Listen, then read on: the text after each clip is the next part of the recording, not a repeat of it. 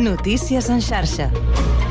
Bona tarda, són les 4 per la Marc Ventura. El govern ha valorat avui l'estat de les negociacions per investir Pedro Sánchez. Fons de la negociació apunten que les dues formacions segueixen intercanviant documents per matisar la llei d'amnistia i eviten, per ara, posar-hi data. A més, la portaveu de l'executiu, Patricia Plaja, ha titllat de maldat les imputacions de Carles Puigdemont i Marta Rovira per suposat terrorisme en el cas del tsunami democràtic. Busquen no només condicionar negociacions polítiques, sinó castigar-les prevaricant.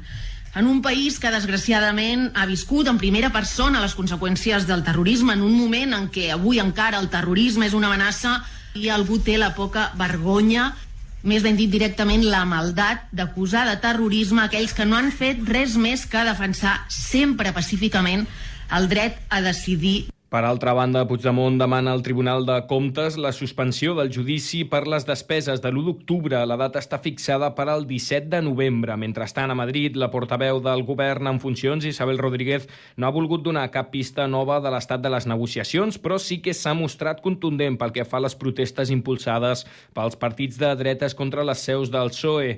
Rodríguez denuncia que el Partit Popular encara no hagi condemnat cap dels actes. Atentar contra los partidos políticos es atentar contra la democracia. Creemos que el principal partido de la oposición y su responsable, el señor Feijó, tendría que estar condenando con rotundidad este ataque a un partido político. Per la seva banda, la ministra d'Educació, Pilar Alegria, ha anunciat les últimes transferències del paquet de 15.000 milions d'euros que s'han distribuït a les comunitats autònomes en diferents línies i programes educatius. En clau política local a la ciutat de Barcelona, el PSC i el partit de Xavier Trias han pactat una nova proposta de taxa de terrasses per evitar que els restauradors hagin de pagar a partir de l'1 de gener els preus fixats al 2020 i que fins ara mai s'havien arribat a aplicar. La nova proposta, de fet, és encara més generosa amb els restauradors, ja que suposa una rebaixa addicional que ja estava pactada. En successos, el Tribunal Superior de Justícia de Catalunya ha confirmat la condemna de 8 acusats a 48 anys de presó per un delicte d'assassinat i tres delictes d'assassinat en temptativa per una baralla que va acabar amb una víctima mortal i diversos ferits, ocorreguda a l'octubre del 2019 a la sortida del metro de la parada de Gorg de, Bar de Badalona. Això és tot. Fins aquí les notícies en xarxa.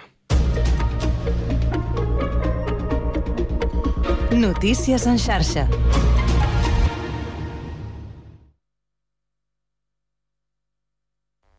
Quatre i tres minuts. Comença el Connectats.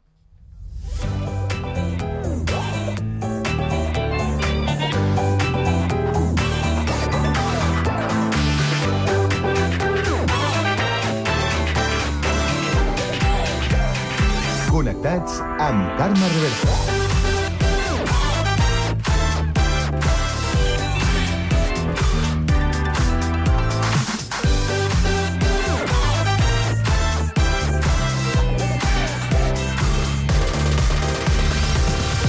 Molt bona tarda, salutacions i benvinguts un dia més al magazín de tarda de la xarxa, aquest Connectats de l'àrea metropolitana de Barcelona, que, com bé sabeu, fem Ràdio Sant Cugat, Ràdio Sabadell, la Ràdio Municipal de Terrassa, el Prat, Ràdio, Ràdio Ciutat de Badalona i Ràdio Castellà.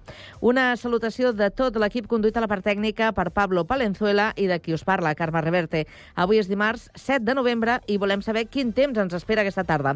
Lluís Mi Pérez. Aquest temps ben tranquil que hem tingut les últimes hores també ha de continuar que queda d'aquest dimarts. Això sí, amb l'arribada d'alguns núvols que ja especialment entrada aquesta tarda començaran a entrar per les comarques de Ponent, però en la seva majoria no deixaran pluja. Bàsicament, un cel més emblanquinat i, si de cas, algun núvol més gruixut a les comarques lleidatanes. La temperatura fresqueta, malgrat el sol que hi domina, no acaba de pujar gaire i estarem parlant de màximes al llarg de les immediates hores que quedaran entre els 15 i els 18 o tot just els 20 graus a les Terres de l'Ebre. I també es tornarà a reforçar una mica el vent de Garbí, a la costa Brava Sud, sobretot cap al Baix Empordà. Pel que fa aquesta nit i demà al matí, tornarà a fer una bona fresca, tornarem a tenir algunes gelades a l'interior del país, també a les comarques del Pirineu, i demà amb pocs núvols en general, alguns de prims, que al matí seran més presents a Tarragona, durant la tarda a la resta del país, sempre amb una temperatura que no acabarà de remuntar del tot al vol. Us seguirem a la xarxa. Molt bé, doncs avui al Connectats parlarem de la petició de l'associació Noves Vies que reclama al Parlament dotar els joves tutelats d'acompanyament jurídic, residència i treball. Entrevistarem Albert Parés, que és president de l'associació Noves Vies. Acabarem aquesta primera hora amb la tertúlia generalista per parlar de la imputació de Marta Rovira i Carles Puigdemont per terrorisme i de l'espam telefònic que continua tot i la prohibició. A partir de les 5 coneixerem el terrassenc eh, Paco Sánchez, expert en ciberseguretat. Continuarem amb l'espai dedicat a la llengua avui per interessar-nos per un nou llibre dels llengüaferits. Ho farem des de Sabadell. I acabarem amb cultura i el llibre Tu eres el protagonista del pretenc Sergio Colomino.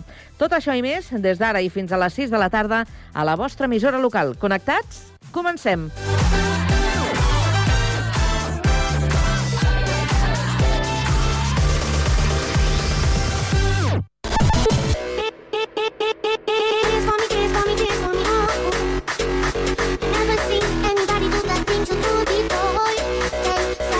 Connectats, una experiència radiofònica a Sabadell, Terrassa, Sant Cugat, El Prat, Castellà i Badalona.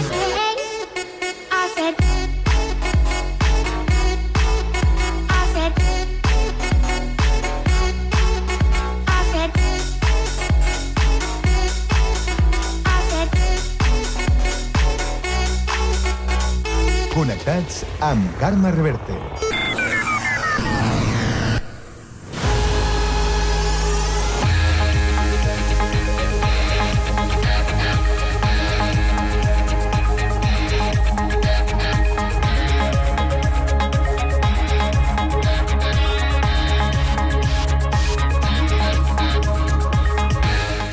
Les 4 i 7 minuts ens actualitzem i ho fem amb la ronda d'actualitat, la ronda informativa que obrim eh, avui per Terrassa. Sergi Estapé, bona tarda.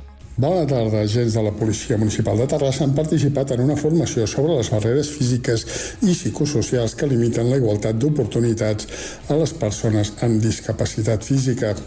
El curs, impulsat des de l'Oficina d'Accessibilitat de l'Ajuntament de la ciutat, dota d'eines i coneixements clau per a una millor atenció a les persones amb capacitats diverses i, a més, aporta recursos bàsics sobre l'accessibilitat en l'entorn i promou la diversitat i igualtat d'oportunitats, entre d'altres. A més, la formació ha comptat amb una part pràctica amb l'objectiu d'experimentar en primera persona com és la relació amb l'entorn a través de l'ús d'una cadira de rodes. Aquesta formació, que han realitzat al voltant d'un centenar de treballadors i treballadores del consistori, el realitza el personal tècnic de l'Ajuntament des de l'any 2018. Gràcies, Sergi. Seguim ara el repàs per la CUC Capital a Sabadell. Avui que és notícia. Pau Duran, bona tarda. Bona tarda. Els Mossos d'Esquadra haurien identificat més de dues víctimes d'abús sexual del mestre de l'escola Joaquim Blume. Segons avança el mitjà El Confidencial, les altres famílies afectades no han volgut denunciar el docent de moment. Això implica que, com que aquests delictes no pertanyen a l'àmbit públic, els Mossos no els poden portar davant del jutge. Si tampoc no hi ha una denúncia d'entitats com ara la Fiscalia, només tiraria endavant l'únic cas on s'ha acusat el professor. Se sap que la policia catalana investiga si hi ha més víctimes potencials. El centre educatiu ja va apartar el mestre la setmana passada. També es va posar en marxa el protocol corresponent en cas d'abusos. A més, el Departament d'Educació ha engegat la unitat de suport a l'alumnat en situació de violència per assessorar la direcció del centre en l'aplicació de protocols. També va mostrar la seva preocupació pel cas l'Ajuntament de Sabadell, oferint l'ajut que sigui necessari. El consistori també va refermar el rebuig a qualsevol situació d'assetjament o abús, especialment greus en els casos de víctimes menors. Gràcies, Pau. I ara anem fins al litoral a Badalona. Andrea Romera, bona tarda. Bona tarda, Carme. El veïnat de l'edifici Venus, al barri de la Mina, titlla el procés d'expropiació i enderroc del bloc de fracàs i mala gestió política. Fa més de 13 anys que més de 200 famílies esperen ser reallotjades pel Consorci de la Mina. D'aquestes, un centenar reclama una indemnització justa per la inactivitat de l'administració durant tots aquests anys. Es preveu que de cara al gener es comencin a reallotjar les primeres famílies. El despatx d'advocats col·lectius Ronda, que assessora els afectats, ja ha interposat un nou procediment administratiu de responsabilitat patrimonial al Consorci de la Mina. Ara bé, fins que no rebin una resposta per part de l'ENS, en un termini màxim de sis mesos, no podran interposar una nova demanda als jutjats per reclamar una indemnització justa, que segons els afectats ascendeix als més de 12 milions d'euros. Escoltem la portaveu de les famílies, Paqui Jiménez. Malas decisiones políticas, el considerar mm, que la gente es un poco inculta y que no sabe sus derechos y que no va a ir una, a buscar justicia porque vale dinero. Ya en el momento, en el 2010, cuando el consorcio decide desestimar todas las alegaciones, romper el primer procedimiento, que hay una ley de expropiación, que es ir al jurado de expropiaciones, porque estás debatiendo el precio, jo crec que ahí ja se rompe todo, no? El Consorci ha reconegut el retard en tot el procés d'expropiació i enderroc i ofereix una indemnització de 5.000 euros per família. Un import insuficient per les famílies afectades que reclamen almenys el pagament de 10.000 euros per cada any que ha passat des que es va aprovar el Pla Especial de Reordenació i Millora. Gràcies, Andrea. Seguim al litoral. Una mica més al sud, ara, des del Prat de Llobregat, Lluís Rodríguez. Bona tarda. Bona tarda. Una sentència del Tribunal Superior de Justícia de Catalunya confirma les mesures cautelars que obligaran l'escola Sant Jaume del Prat a impartir una assignatura troncal en castellà per la petició d'una sola família. Així doncs, tota la classe on estigui aquest alumne ha de fer matemàtiques en castellà, independentment que la resta d'alumnes no ho hagin sol·licitat. El principal sindicat de mestres de Catalunya denuncia que aquesta sentència és fruit de la persecució política del català. Així ho ha assenyalat la portaveu nacional d'Ustek Estés Yolanda Segura Corrales en declaracions al Prat Ràdio. El que volen és eh, carregar-se la immersió lingüística i acabar amb la vehicularitat del català en els centres i, de fet, el que volen és aniquilar la llengua, la llengua catalana. Segons ha pogut saber el Prat Ràdio, totes les famílies dels companys de classe d'aquest alumne han hagut d'assumir els costos de comprar nou material escolar en castellà per als fills i filles, uns costos que no estan inclosos en el programa Sorell de reutilització de llibres de text. Gràcies, Lluís. Tornem al Vallès i ara ens quedem a Castellà, concretament. Guillem Plans, bona tarda. Bona tarda. La responsable del Servei de Restauració de la Mola, la castellarenca Gemma Gim Ferrer, ha confirmat a l'actual que està en contacte amb advocats per intentar mediar amb la Diputació de Barcelona, que, recordem, no renovarà la concessió del restaurant. S'estan estudiant diferents escenaris per continuar amb el servei de restauració i que sigui compatible amb la normativa vigent, segons l'organisme supramunicipal. Gràcies, Guillem. I des de Sant Cugat us expliquem que l'Ajuntament de la ciutat ha acollit aquest dilluns la constitució del Consell de Joves de la ciutat amb representació de membres d'11 centres educatius, els tallers de teatre de la Unió i l'Escola Municipal de Música. Per als propers dos anys, tots ells eh, tenen el compromís de reflexionar i proposar accions sobre l'ús del català entre el jovent i els trastorns de conducta alimentària. L'alcalde i president del Consell, Josep Maria Vallès, ha encoratjat a ells els i les joves a millorar les polítiques de joventut amb les seves aportacions. Sobre els deures posats als joves, la regidora de Cicle de Vida, Esther Madrona, ha remarcat que és important que el Consell explori l'ús del català més enllà de les aules i que analitzi com es comunica el jovent en la vida diària en general. L'altre encàrrec que ha puntualitzat Madrona és també de gran importància i pot ser revelador de cara al paper que poden tenir els joves a l'hora d'ajudar els seus companys i amics quan aquests pateixen desordres alimentaris. Ens serviran a, a nosaltres per incorporar-ho en el nostre dia a dia i fer que les polítiques que fem des d'aquest Ajuntament tinguin en compte perspectives com, per exemple, els trastorns de conducta alimentària, amb tot, el, amb tot el que això impliquen, com afecten les xarxes socials en aquestes situacions, com afecta alguna persona amb aquest tipus de trastorn a nivell de relació amb els seus companys i companyes de classe, amb els companys i companyes de mm, qualsevol entitat esportiva, qualsevol altra entitat cultural. El tercer encàrrec que tenen els joves serà el que ells mateixos decidiran en la seva primera sessió de treball. De moment, el que sí han fet és un manifest d'inici de curs en què s'han compromès a treballar per millorar Sant Cugat. Volem seguir amb la feina que va començar els nostres companys ara ja fa uns 9 anys. I volem també poder proposar que se, i que se'ns valori. I formar part d'aquest Consell ja és un bon inici. Volem contribuir i aconseguir fer de Sant Cugat un lloc on tots i totes els joves ens sentim a gust. Els altres centres educatius representats al Consell són els instituts Angeleta Ferrer, Plai Ferreres, Leonardo i l'Institut Escola Catalunya, el Viaró, Tau, la Farga, l'Avens i l'European International School.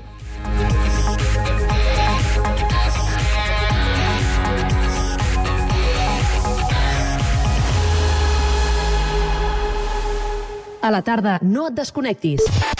A la teva ràdio local, connectats. Can't touch this. Can't touch this.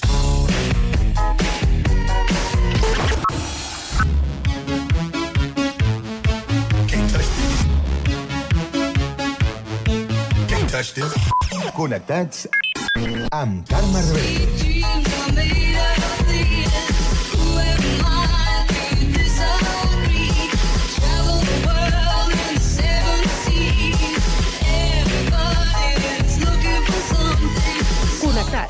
Connectats. Un expert experiència radiofònica a Sabadell, Terrassa, Sant Cugat, El Prat, Castellà i Badalona.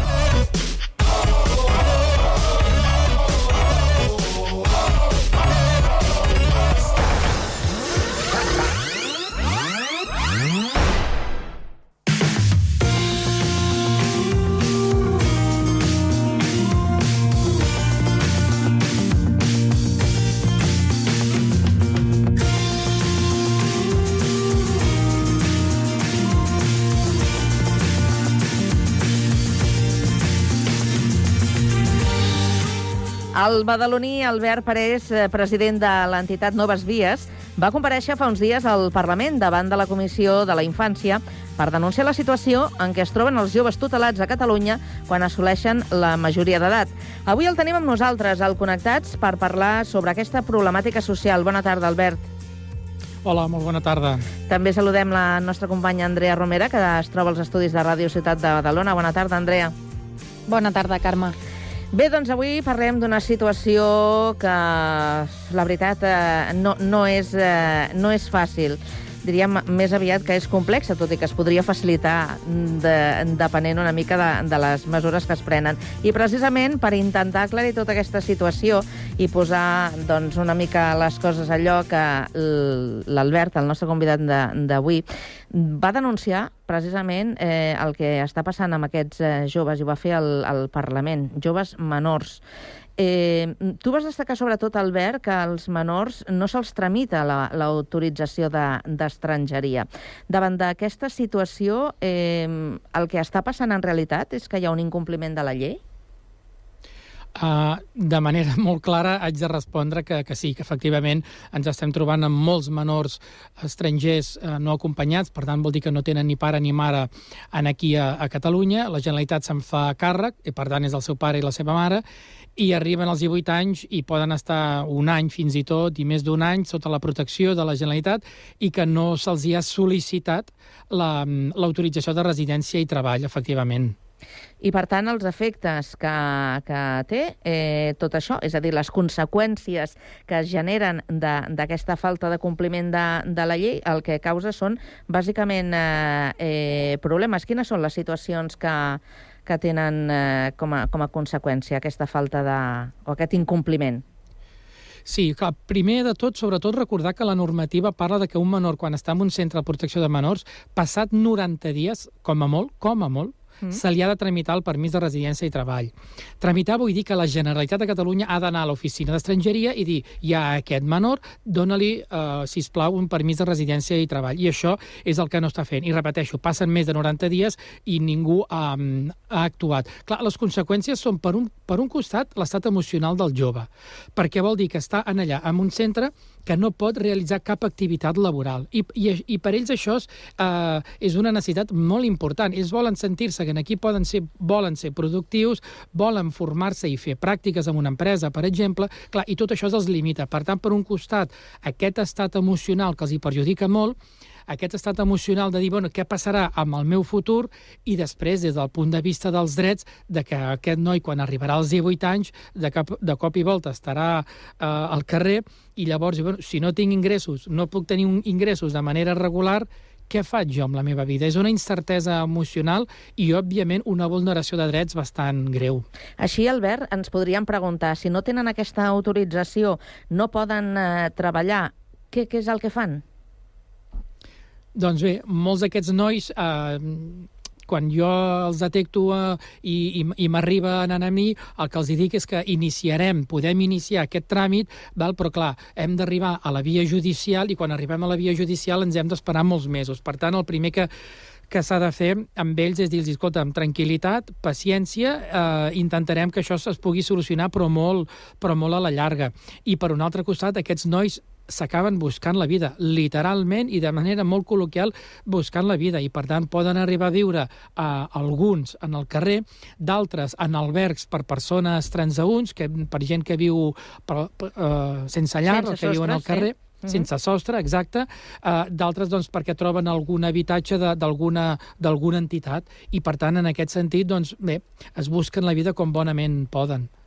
Alguns sectors, de fet, tenen el prejudici de que aquestes persones venen aquí a robar i a malviure, però és que al final és el mateix sistema no? el que està fent que això passi. Sí, sí que és cert que, clar, això crea una situació de risc.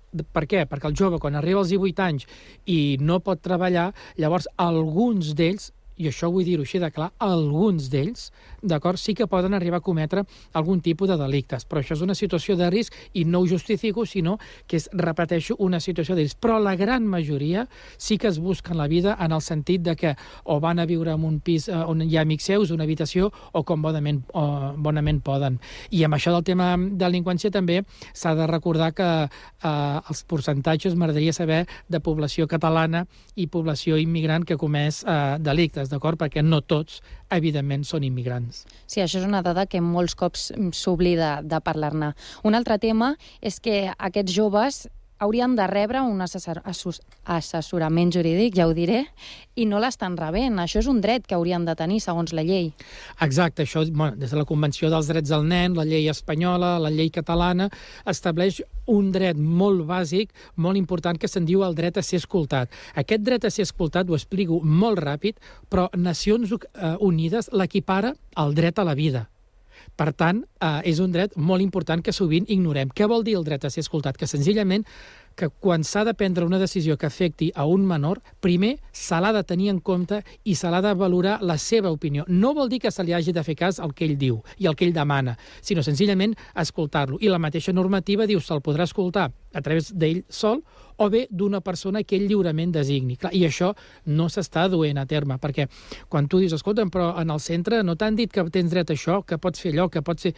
No, inclús els professionals i les professionals de, eh, que treballen en centres de menors, fundacions, associacions, cooperatives, empreses que gestionen centres de menors, jo estic veient que desconeixen molt la normativa de protecció d'infància, però van molt, molt perduts i molt venuts. Jo sempre dic el mateix, si jo fos educador social, crec que rebentaria un centre en 24 hores, no?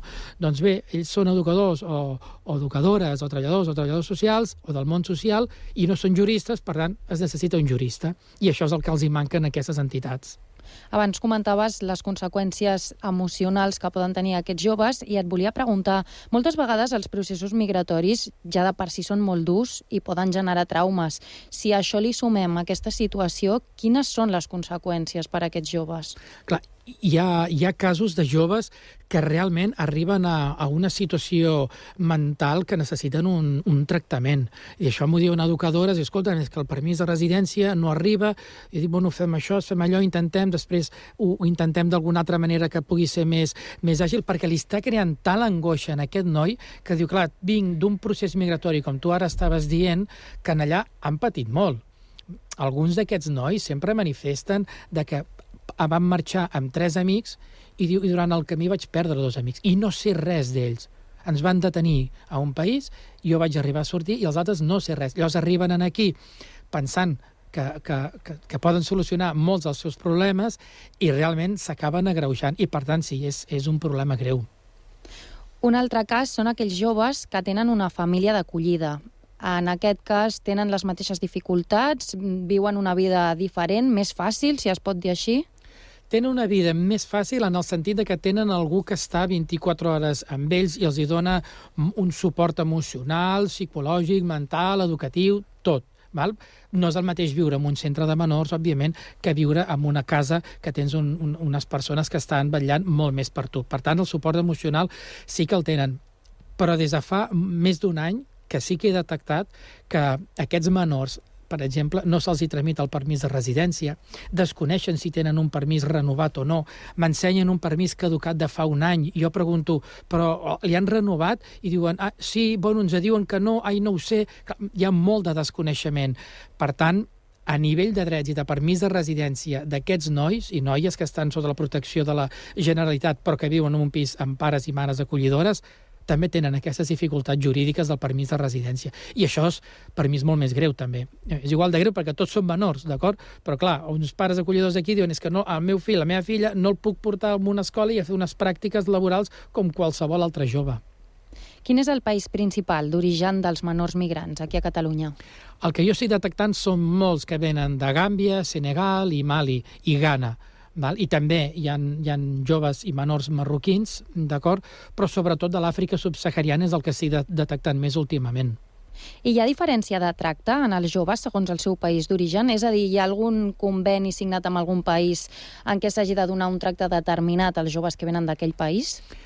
A l'hora de drets, de parlar de drets, del tracte i què s'ha de fer amb aquests menors, evidentment és independent de la nacionalitat, inclús catalana, estrangera, és exactament el mateix. Nacions Unides, del Comitè dels Drets del Nen, ho diu així molt clar. El que sí que hi ha és que a nivell de, de documents, Espanya té un conveni amb el Marroc que sí que estableix que els documents emesos per, per al país del Marroc sí que els, se'ls que se'ls considerarà vàlids ja de manera immediata. En canvi, els altres han de passar per un altre procés de, de legalització, que se'n que se'n diu. Val? Un altre tema entorn a les migracions és que en alguns casos es posa en dubte l'edat dels joves quan arriben. No es diu que aquella persona no és menor i, per tant, el procés judicial és diferent. Quines conseqüències té això per aquella persona que en molts casos resulta que sí que és menor al final? Clar, en aquí jo no voldria oblidar que el 2015 i 2016 vaig aconseguir vuit sentències davant del Tribunal Suprem que deien que la Generalitat de Catalunya havia de fer cas al passaport i no a les proves mèdiques. Per tant, això què vol dir? I vull remarcar, des del 2016 estem al 2023 i la Generalitat encara està incomplint aquestes sentències, que diuen, senzillament, curt i ras, que si un menor disposa d'un passaport, aquell passaport és vàlid fins que no es demostri el contrari. Què fa la Generalitat? Senzillament sotmet aquest menor a unes proves mèdiques i si les proves mèdiques diuen que és major d'edat, llavors el donen major d'edat. Això és completament il·legal i irregular. Llavors aquest noi, a través d'un advocat, mm, recorre aquesta resolució i si té passaport quasi bé sempre s'acaba guanyant el, el judici. Però clar, ha hagut de passar per tot aquest procediment. Si no tenen cap document, el primer que s'ha de fer no és directament anar a les proves mèdiques, sinó anar al consulat o a l'ambaixada i identificar aquest menor. I si després no obtenim cap mena de document, llavors ja an anirem a les proves mèdiques. Però, per tant, això també és una irregularitat que s'ha de millorar bastant. Ha el grau de marge d'error, és molt alt, a les proves mèdiques? Sí, això s'ha arribat a dir fins i tot pel Comitè dels Drets del Nen i pel Defensor del Pueblo espanyol que pot arribar a ser d'un marge de, de 18 mesos o fins a dos anys. I aquesta persona, que recordem són persones mentre s'està intentant averiguar, per dir d'alguna manera, quina és la seva edat, com se l'està tractant? Com un adult o com un menor? hi ha hagut de, de tot. No? Hi ha nois que són menors d'edat, se'ls han fet proves mèdiques que diuen major d'edat, però en canvi la Generalitat els ha continuat donant menors i es queden al centre, però molts altres la Generalitat tanca l'expedient i, per tant, automàticament l'endemà se'n van al carrer. Perquè, clar, la Generalitat llavors diu no, no, si ets major d'edat no pots estar en un centre de menors, per tant, ja no pots estar aquí. I ells ja, eh, ja no es responsabilitzen d'aquella persona i, literalment, s'han de buscar la vida una altra vegada que molts d'ells acaben al carrer. També hi ha casos en què els tornen al seu país d'origen. Per exemple, a Ucraïna, molts refugiats ucraïnesos s'estan tornant al seu país, que és un país en guerra, no és un país per poder viure tranquil·lament, no? Exacte. Una cosa són els menors estrangers que no provenen d'Ucraïna, que jo estic no estic veient que els estiguin retornant com a menors, d'acord? Una cosa quan són majors d'edat, si han comès delictes, sí que se'ls acaba expulsant. I sí que m'he trobat amb famílies acollidores de menors ucraïnesos que la Generalitat de Catalunya ha obligat a que aquests nens retornin a Ucraïna o bé amb els pares biològics o bé amb els pares acollidors d'Ucraïna però s'ha fet amb un procediment completament irregular. No s'ha escoltat el menor, no s'ha valorat la situació familiar a Ucraïna, no s'ha valorat la situació d'aquella de la zona on estan vivint i no s'ha valorat res. Per tant, penso que s'estan fent de manera bastant irregulars i això també s'ha de millorar. Ho dèiem al principi, Albert, que la, la situació és complicada i la feina que teniu entre mans eh, vosaltres eh, no, no ho és menys. Però sí que ens agradaria saber eh, quina va ser la resposta que, que hi va haver al Parlament després de la, la teva compareixença. Sabeu quina és la voluntat de la Generalitat? Mira, sincerament no ho sé, perquè això depèn de cada partit, no? El partit, et diré molt ràpidament, el Partit Socialista va fer unes preguntes molt, molt així ambigües, res de l'altre món. Uh, Vox va anar amb la seva línia, d'acord, criticant a les màfies i entitats que, que, que, que trafiquen amb, amb, amb, amb la immigració, d'acord? Junts uh, també va fer unes preguntes de com es podia reinterpretar la normativa, que és el que jo estic dient, i després Esquerra Republicana, que és l'actual responsable de la Generalitat de Catalunya a la Direcció General General d'Atenció a la Infància i Adolescència, doncs diguem-ne que mm, desconeixia bastant la situació i penso que aquí l'Esquerra Republicana i la Generalitat de Catalunya té una gran oportunitat de canviar amb l'atenció als menors. Per què té aquesta oportunitat? Perquè hi ha sentències que ja estan condemnant a la Generalitat que no pot actuar d'aquesta manera. Per tant, que aprofitin aquesta oportunitat de que un jutge està dient com s'han de fer les coses i senzillament que les facin. Porto des del 2000 eh, atenent a menors no acompanyats i la veritat és que costa de canviar, però mai, tinc mai perdo l'esperança de que realment pugui arribar a canviar tot això. Doncs a veure si una, d'una vegada per totes es posa fil a l'agulla, perquè tenim els estris, però no hi ha manera de, de començar a cosir aquest eh, vestit. Albert Parés, president de l'entitat Noves Vies, moltíssimes gràcies per passar pel Connectats aquesta tarda. A vosaltres, gràcies. Gràcies, Andrea. Bona tarda, Carme, gràcies. Bona tarda.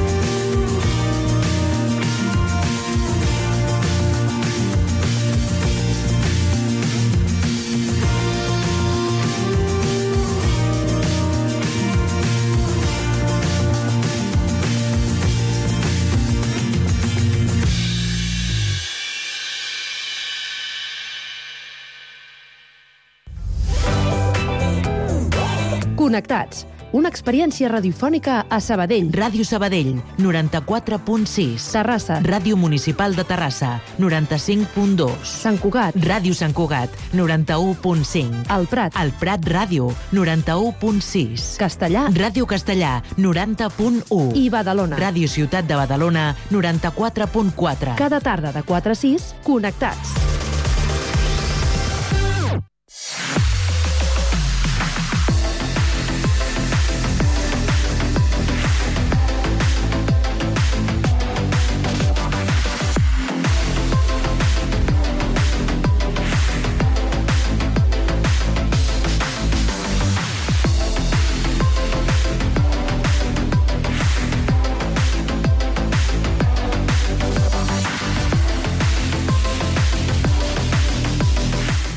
Passen 3 minuts de dos quarts de 5 de la tarda i ara obrim aquest espai d'opi- d'opinió, la tertúlia Tres Bandes, que avui la compartim amb l'Antoni Camacho, coordinador de Federalistes d'Esquerra. El tenim a Badalona. Antoni, bona tarda. Molt bona tarda a tothom. Molt bona tarda. A Sant Cugat ens acompanya la Montse Moral, que és eh, farmacèutica. Bona tarda, Montse. I rotària. I rotària. Sí. Bona tarda. Bona, bon apunt, també. I l'Ester Amiel, artista i activista, la tenim a Sabadell. Ester, bona tarda. Hola, bona tarda. Bé, doncs eh, avui comencem parlant de, de la situació d'aquest panorama, d'aquest trencaclosques que tenim aquí amb tot el tema de, de la investidura, de les negociacions, perquè ara ha irromput eh, novament el, eh, la, la judicatura i és que aquest dilluns, ahir precisament, l'Audiència Nacional va imputar per terrorisme Carles Puigdemont i Marta Rovira a la causa del tsunami democràtic. A més a més, per si això fos poca cosa, el Consejo General del Poder Judicial va fer un comunicat institucional oposant-se a, a l'amnistia. I això, a, a més a més, s'hi han sumat a, a aquestes manifestacions en contra d'aquesta mesura, és a dir, d'aquesta llei d'amnistia, a la seu de, del Partit eh, Socialista, amb alguns eh, detinguts... Vaja, que el festival comença, comença a tenir allò, a fer, a fer soroll. Eh, a mi m'agradaria que mm, ens, mm, cadascú de vosaltres eh, ens expliqués quina és la lectura que, que fa d'aquesta situació que ha irromput quan eh, estem a l'espera de saber doncs, com acaben aquestes eh, negociacions entre Junts i, i el PSOE, que, mm, segons apuntaven, era qüestió de, de dies. I no sé si veieu que això pogués eh, afectar o influir en, eh, en aquest possible acord d'una manera o d'una altra. Eh, Antoni, vols començar? Bueno, jo el primer que, que ho diria és que estic molt, molt preocupat no? per la situació que s'està produint en aquest país. No? L'atac conjunt de la judicatura del, Constitu del Constitucional del Consell General del Poder Judicial, el juez García Castellón, el jutge García Castellón, les manifestacions als carrers i el to tan guerra civilista que la dreta i l'ultradreta està utilitzant es haurien de prendre moltes, o sigui, molt preocupats tothom, no?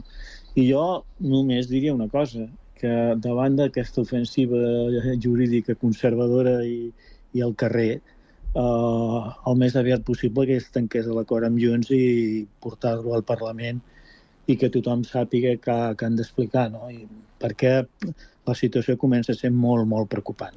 El fet de que eh, això se sap com comença, però no se sap com acaba. Hi ha molt boig al carrer que pot fer mal. I aleshores jo, és una tonteria dir-li al Vox o al Partit Popular que no ho facin perquè ho faran, perquè a més a més pensen que el poder és seu i que no hi ha cap altre partit que pugui representar Espanya, una Espanya inventada, una Espanya que no existeix.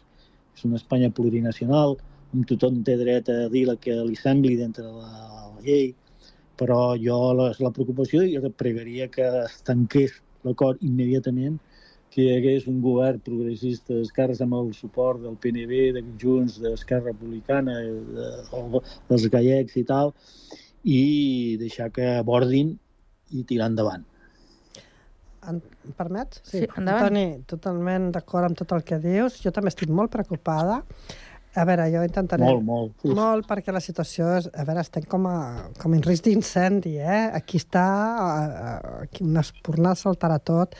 I és molt trist, és molt trist constatar pues, el nivell que tenim aquí a Espanya de falta de democràcia i sobretot constatar que les nostres, la judicatura pues, no està a l'alçada. Vull dir, és, és que són persones que haurien de ser rellevants, exemplars, i, um, i un exemple eh, són els que han d'aplicar la llei i ells són els que més se la salten. I davant d'aquesta situació és que això desmotiva, desmotiva la gent, desmotiva els pop, els joves i, i, i, la, i amb les coses que creus, no? Jo seguiré creient, jo crec que ara més que res, mai tots hem de treballar per la pau, però la pau a tot arreu, a casa nostra, començant per casa nostra, amb el marit, amb el gat, amb, la, amb el veí, però també a la nostra societat, al nostre país, i també ho faig extensiu a, a Gaza i a Israel, no? Necessitem pau, és que està tot, que està que s'encén, i hem de posar pau. No m'agrada la situació, no, no m'agrada gens. A més, és esperpèntica, les bestieses que s'estan fent. Esther. Um, pues jo preocupada no ho estic. És per donar una mica la contra, no? Vinga. Preocupada no perquè, eh, clar, perquè seria um, que em sorprengués alguna cosa que m'agafa així com a contrapeu, no? I no em sorprèn res, perquè ja portem molts anys sabent com és l'estat espanyol, com és la justícia espanyola, com són uh, uh, la gent feixista de l'estat espanyol, els ciutadans feixistes, la policia feixista de l'estat espanyol. Vull dir que no em preocupa perquè no em sorprèn. I una cosa va molt lligada amb l'altra. El que eh, estava intentant recordar, que em sembla que un dia vam parlar ja aquí d'aquest tema, de l'amnistia, què en penseu de l'amnistia? Sí. I, i jo posava els meus dubtes sobre la taula de dir, vale, jo no, no em decanto per l'amnistia sí o no, perquè vull saber els detalls, quin és l'abast d'aquesta amnistia, a qui va dirigida, per quant de temps, uh, quin és el territori que, que agafarà aquesta amnistia. Uh, no sé si ho recordeu, eh, que vaig Sí. sí. posar aquests, aquests conceptes sobre la taula. I malauradament el temps i els fets que van passant em donen la raó. O sigui, estem parlant de, eh, que ara han acusat de terrorisme eh, els VIPs, per dir-ho d'alguna manera, mm. perquè ens entenguem. Sí. Els VIPs ara els acusen de terrorisme corrent, corrent, corrent, i per altra banda tanquen la causa del 23S, la recordeu, Operació Judes, la tanquen, tanquen el sumari després de 4 anys que portem donant llargues i llargues i llargues, el tanquen per poder-los acusar de terrorisme, i d'aquests ningú en parla. Són gent mm, del poble, acusats de terrorisme, ja formalment, que els hi poden caure fins a 27 anys de presó, i no, no en parla ningú, perquè queden fora de l'amnistia. I, i, i m'ho demostra el fet de que si estan acusant els tips de terrorisme perquè quedin fora, és evident que la causa Judes també queda fora. Són de- deduccions eh, que faig durant el dia de dir, bueno, és que és blanco i en botella. I l'amnistia havia de poder abarcar a tota la gent que estava imputada pels fets de, de, de tot el procés a partir del 2017 fins, a, fins al dia d'avui. I aquests quedaven fora. Llavors, Estàs segura que quedaven fora? Estàs segura? Bueno, a veure, bueno, suposes... sí, és que, a veure, no, sab, no em, sabem res de les negociacions. Ara, Ara, ara fa dos dies que parlant del vaig. No? Jo no sabia què coi era. Però, però, qui, eh? però qui està parlant, però qui està parlant de, de o sigui, que, quins moviments jurídics hi estan havent? No, no, està Sí, clar. a- Està... Acusació de terrorisme perquè no entris... Eh, s'ha- demanat des d'uns sectors de No, no, està clar, està clar. S'ha demanat que tanquessin els termes. A veure, de què estem parlant quan parlem d'amnistia? Fa mesos, fa un mes o dos que estem parlant d'amnistia i no, no hi ha hagut manera de, de que s'aclarissin quins eren els termes. Et sentim molt lluny, eh, Esther? Ui, Ara. I ara? Ara, ara, Ara. bé, ara bé.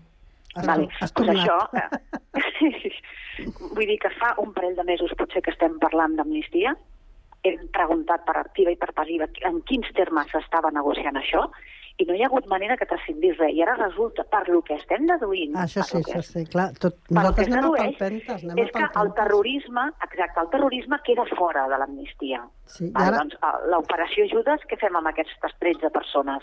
Ah, clar, és horrorós. I ara, ara hi, 27 ha, hi ha el tema del mort, ha el tema del mort de, de l'aeroport, que bueno, ara Fa acabo més, de... te, fa més terrorisme. No, no, que al haver una mort ja això els treu. Però ara acaben de, acabo de llegir, eh, notícia de Vilaweb, que el SEM ha desmuntat la- la- l'argument del jutge aquest, eh, que aquest senyor es veu que estava pendent d'un trasplant de cor. Mm. Però és veritat que els detalls de- d'aquesta eh, possible llei d'amnistia no es coneixen, No. formen part d'aquesta negociació. Sí que, per exemple, Esquerra Republicana eh, demanava que fos eh, total i, i, i la idea és que s'incloguin doncs, eh, tot, o sigui, totes les persones implicades eh, en, en tots els processos valgui la, la redundància de, del, del procés. El que passa és que, eh, clar, això no ho sabrem fins No que no estigui fet. I el que jo no sé, si vosaltres estaríeu d'acord, és que s'aprovés eh, la, la llei d'amnistia per un referèndum, no?, com demanava la senyora Esperanza Aguirre. No? És que, bo, o sigui, Em sembla que ho va demanar. Per el, la situ... A mi m'has preguntat per al tema de la situació actual. Sí. El tema de l'amnistia, si voleu, dic alguna cosa. També. Però jo no estic, jo no estic d'acord, gens d'acord en fer una causa general, perquè la justícia espanyola és la mateixa que va posar a la presó al Rato, per exemple, i al Bárcenas, a molta gent. I hem d'aprendre a distingir entre el que és el Consell General del Poder Social, que no jutja, que és l'òrgan dels jutges, i l'Audiència Nacional, i el juez García Margallo, que és una altra història. ¿vale? I perquè en aquests moments doncs, es fa aquesta acusació que ja veurem que el fiscal ha recorregut perquè diu que no és terrorisme, sí. que és desordres públics. ¿vale? Vull dir, no podem fer un totus revolutum Tens raó. de eh, això. L'amnistia, jo dic que s'ha de tirar endavant i, quan, i, i que hi hagi l'acord quan abans millor, perquè si no, ni tindrem amnistia la que sigui i tindrem un govern de feixistes. Amb això coincideixo, amb Vox. ¿vale? I aleshores jo crec que hem de supeditar l'interès de tots, i quan dic de tots, també de, de la resta d'Espanya, doncs perquè es consolidi i hi hagi un, govern i, i que hi hagi l'amnistia que acordin. Esquerra Republicana ja està d'acord. Eh? I Junts per Catalunya doncs, està acabant de, de no sé què, és igual, tant me fa. Ja em permetràs, eh? que- Esquerra sí que Republicana sí potser que està d'acord amb les rodalies. Sí que, sí, sí que, sí que... Bueno, però parlem de la. L'altre és negociació. I si no hagués estat passat aquí, doncs seria una negociació permanent i segurament hagués passat. I ara els treballadors de Rodalies faran vaga perquè no volen dependre de la Generalitat. Bueno, doncs això és la democràcia, això és la vida, i, i ja veurem com arriba. Però jo crec que no són capaços, per lo que he sentit abans, de comprendre i a l'abast i de no sorprendre's de la situació i la reacció que és un senyor d'un partit polític que li digui a la Policia Nacional que no faci cas de les ordres que li donen. Això sí, que no és molt fort, és la gravetat fort. de la situació? Mm. No, no vegeu la, la gravetat de la situació? Com es pot comparar? L'amnistia, si hi ha acord és perquè hi ha amnistia. M'és igual la que sigui. Jo que soc, no sóc independentista, ho he dit sempre, però que estic d'acord amb l'amnistia perquè crec que es van passar amb les penes, això era una... van cometre il·legalitats, eh, però bueno, també la democràcia és això, saber perdonar i saber oblidar, fer l'oblit i tal. Però la, la gravetat d'això és molt fort i va ser l'Aznar i tota la dret, la dreta del que va, eh, pues això, dir al carrer. ¿vale? I aleshores és molt greu el que està passant. Sí, totalment d'acord, si algú m'està sentint, si estic, si estic eh, dient, si algú de, de Junts m'està sentint, si plau, tanqueu l'acord. Tanqueu l'acord, que és molt greu. Tanqueu l'acord, després ja que facin el que vulguin, amb un govern que, que gestioni, això anirà al Tribunal Constitucional, anirà a Europa la llei, perquè ho faran, i és normal que ho facin, això no ho critico, faltaria més, i afortunadament al Tribunal Constitucional jo crec que hi ha una gent no que sigui partidària, sinó que és una gent que, que, que dirà el que tingui que dir. I aquí em quedo perquè no ho sabem. Però hem d'evitar que hi hagin noves eleccions. I juguem molt, però Espanya i Catalunya. Perquè jo em pregunto, si no hi ha acord, què guanya Junts? Què guanya? Què guanya Catalunya? Ni Rodalies ni res. Però on, on estem? I I hem de reconèixer que el Pedro Sánchez s'ha jugat s'ha jugat el, el seu futur polític amb això i ha tingut la valentia de tirar endavant això. Jo que no voto el PSOE. Ho dic a tota claredat. I, home, que és molt greu el que està passant. Aleshores, tothom, al, al nostre abast, hem de ser que, de, de convèncer a qui sigui perquè això es tanqui ja. Que ens expliquin, que hi hagi claredat, que vegem eh, l'acord i quines són, a qui abasta això i sobretot que hi hagi govern. I els altres que abordin. I, cuidado, eh? Jo no puc estar més Cuidado, eh, hi ha amb tu, eh? molt- Tot el que dius. molt- A veure, Esther, què deies? No, que no, no puc estar més en desacord amb tu. Començant per lo que has dit de no podem fer un tot un revolutum perquè la justícia, pel que fa, por lo que concierne a la unidad de España, la justícia és una i, com era? Una i grande i libre, doncs pues això. Les altres coses, els altres casos de no, corrupció, que ja ens ho mirem i tal. Però quan, quan el que que, està, quan el que està en el dubte, 80% que sigui. disculpa, És que disculpa, quan el que està en dubte és la unitat Si no d'Espanya, t'has llegit la Constitució, tu Bueno, tens un pues problema. A veure, Antoni, Antoni, Antoni, no Antoni, escoltem, És que escolt... no vull, no vull que es diguin mentides amb això. A No veure, anem a escoltar, anem a escoltar No, l'Ester? Anem a escoltar l'Ester? Tinguem pau entre nosaltres. No has escoltat, és que tornem al mateix. Vinga, a veure, Esther. Et dius una mentida, te la i la testosterona està fent te- efectes ja. Vinga. Vinga, Vamos. molt bé. Bueno, Molt bé. vés en compte amb això de la tes- testosterona, eh? Que jo també Bueno, no moltes tonteries. Ah, Sobretot A- tinguem a respecte veure- entre Sí, sí, nosaltres, sí. companys. Sí, estem, a veure, de fet, aquest és un espai per compartir, per compartir opinió, no necessari... De sempre, eh? Vinga, uh, Esther, Tinguem pau, tinguem pau. eh? Una història, una història, una mentida que es van creure i que es, us van enganyar i ara tot el de més no val.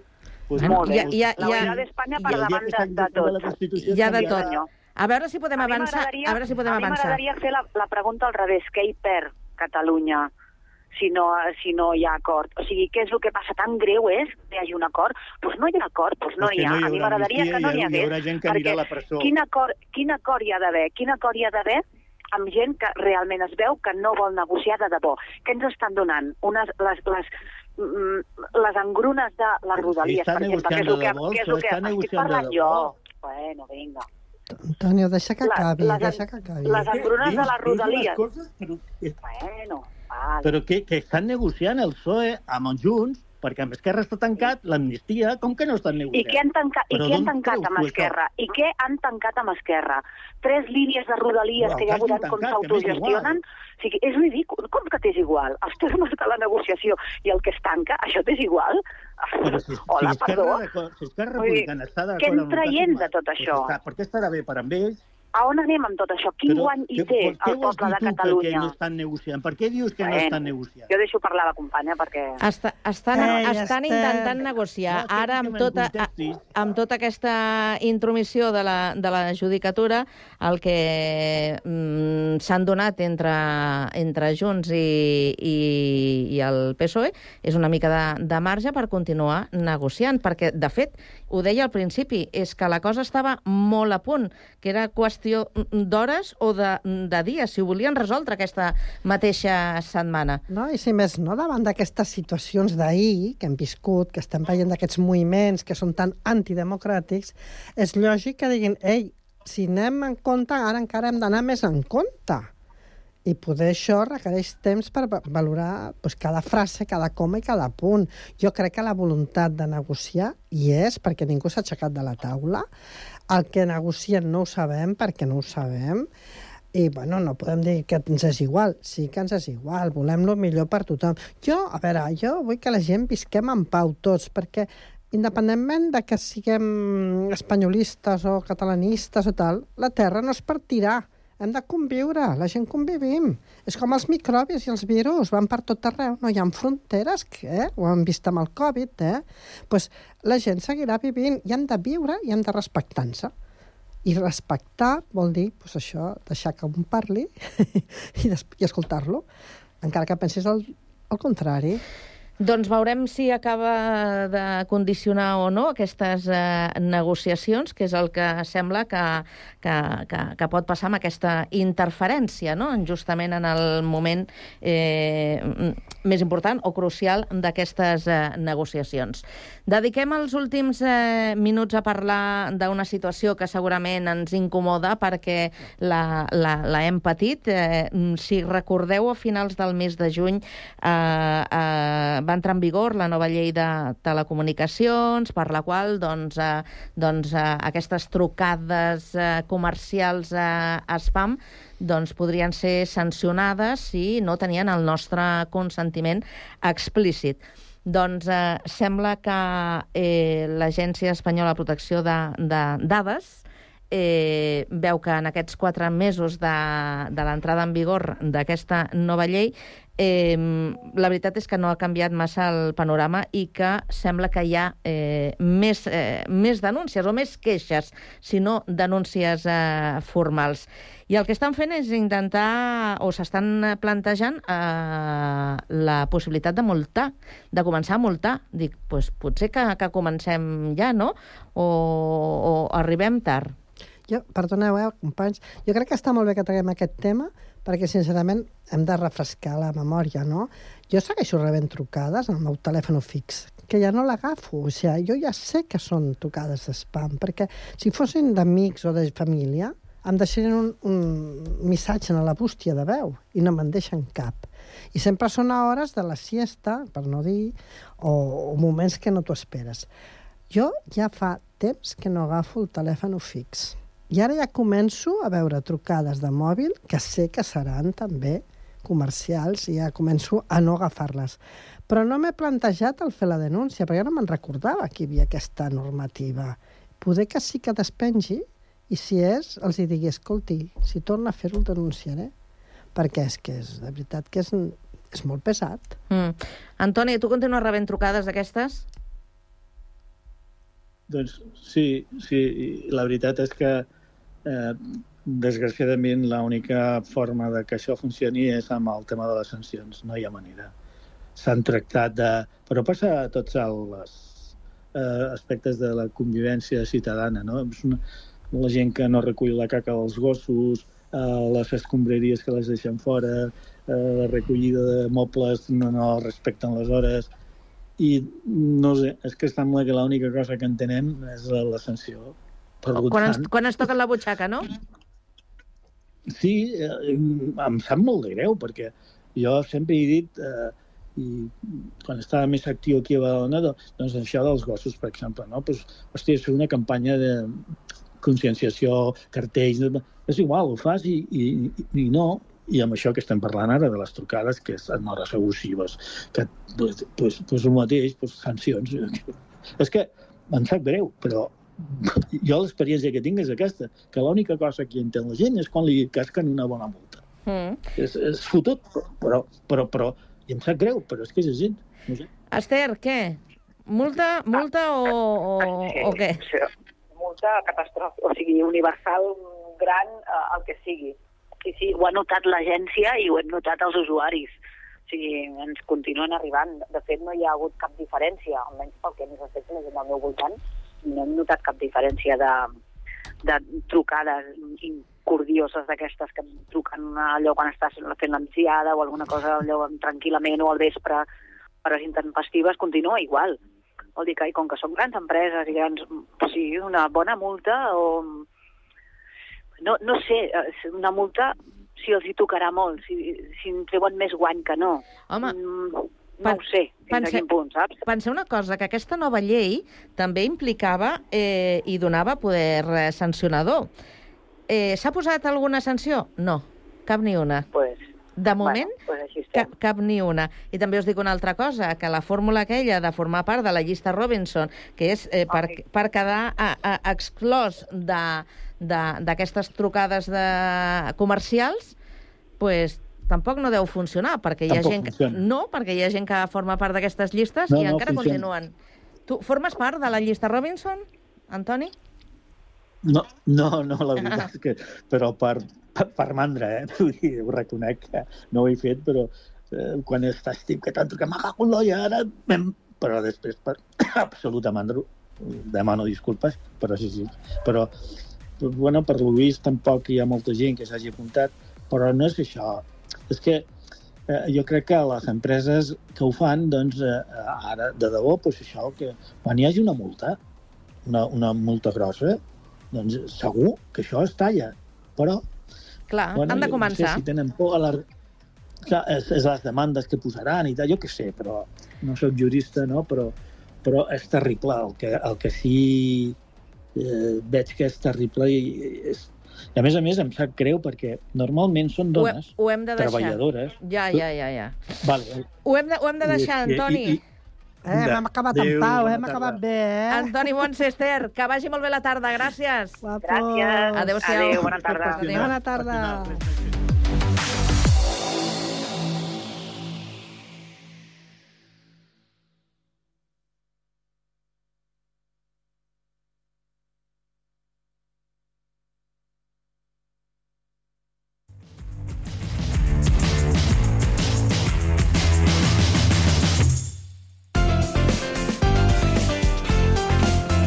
Ràdio Sant Cugat. Cugat Mèdia. La música local a Ràdio Sant Cugat.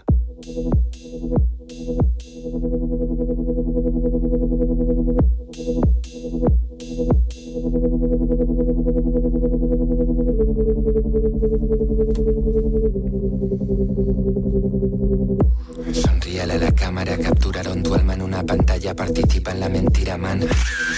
Venden la fachada para separarnos en estándar según unas claras directivas. Lo suelto como si fuera un perro, el reloj me marca los pasos, pero sigo otro compás. Haz caso de la señal, el cielo puede esperar. Hay tanta mierda acumulada que la puedes tocar. Y así va el trama, sin alma, sin norte, sin armas. Semana semana por verdes y platas. Si quieres, lo pagas. Si tienes, lo cobran. Serpientes forradas de Dolce y Gabbana. Huyendo de su plan, saliendo del drama. Yo, mi grande volando por estas sendas. Y no vieron mi touchdown subiendo las gradas. No, y ahora estas garras se lo Vuelvo lo que soy cuando escribo lo que siento. Escapo del control con un par de movimientos. Ahí fuera veo el sol, pero solo es un reflejo. Se estrecha el cerco, ten cuidado con ellos.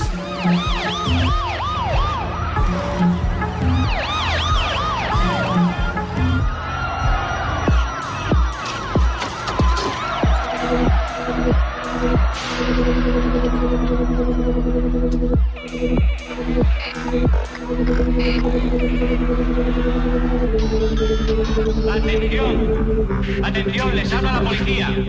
Sube la presión, sube el paro, la comida. Subes un escalón y preparan otro arriba. Sube en progresión como el miedo en tu retina cuando no sabes qué hacer y el camino es en subida. Huélelo su mierda en descomposición, corvos y llenas en acción, en duelo por carroña fresca, ponderando una respuesta a lo que trama tu cabeza. Compran la revolución, la venden en propetas. Mierda sintética en los poros, se engaña bobos, felicidad plastificada y también en polvo. Si quieres algo, no hay problema. ¿Cuánto me pagas? Cobro por horas, nena. El tiempo es oro, corro solo, roto por los malos tragos, miedos, cielos, mocos, como un gran catarro. Cuentos en la radio, mientras en el barrio, cientos sin tejado. Yo no entiendo nada. Si nos van, nos dan el pan y el circo para tapar las pruebas. Vuelta al rap, sesiones de domingo en una cueva. A todo gas corriendo porque la vida no espera y la manzana que mordiste huele a rancio entre muelas.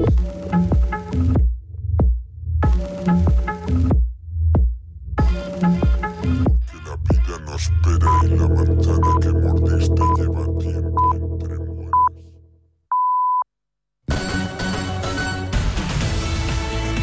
Ràdio Sant Cugat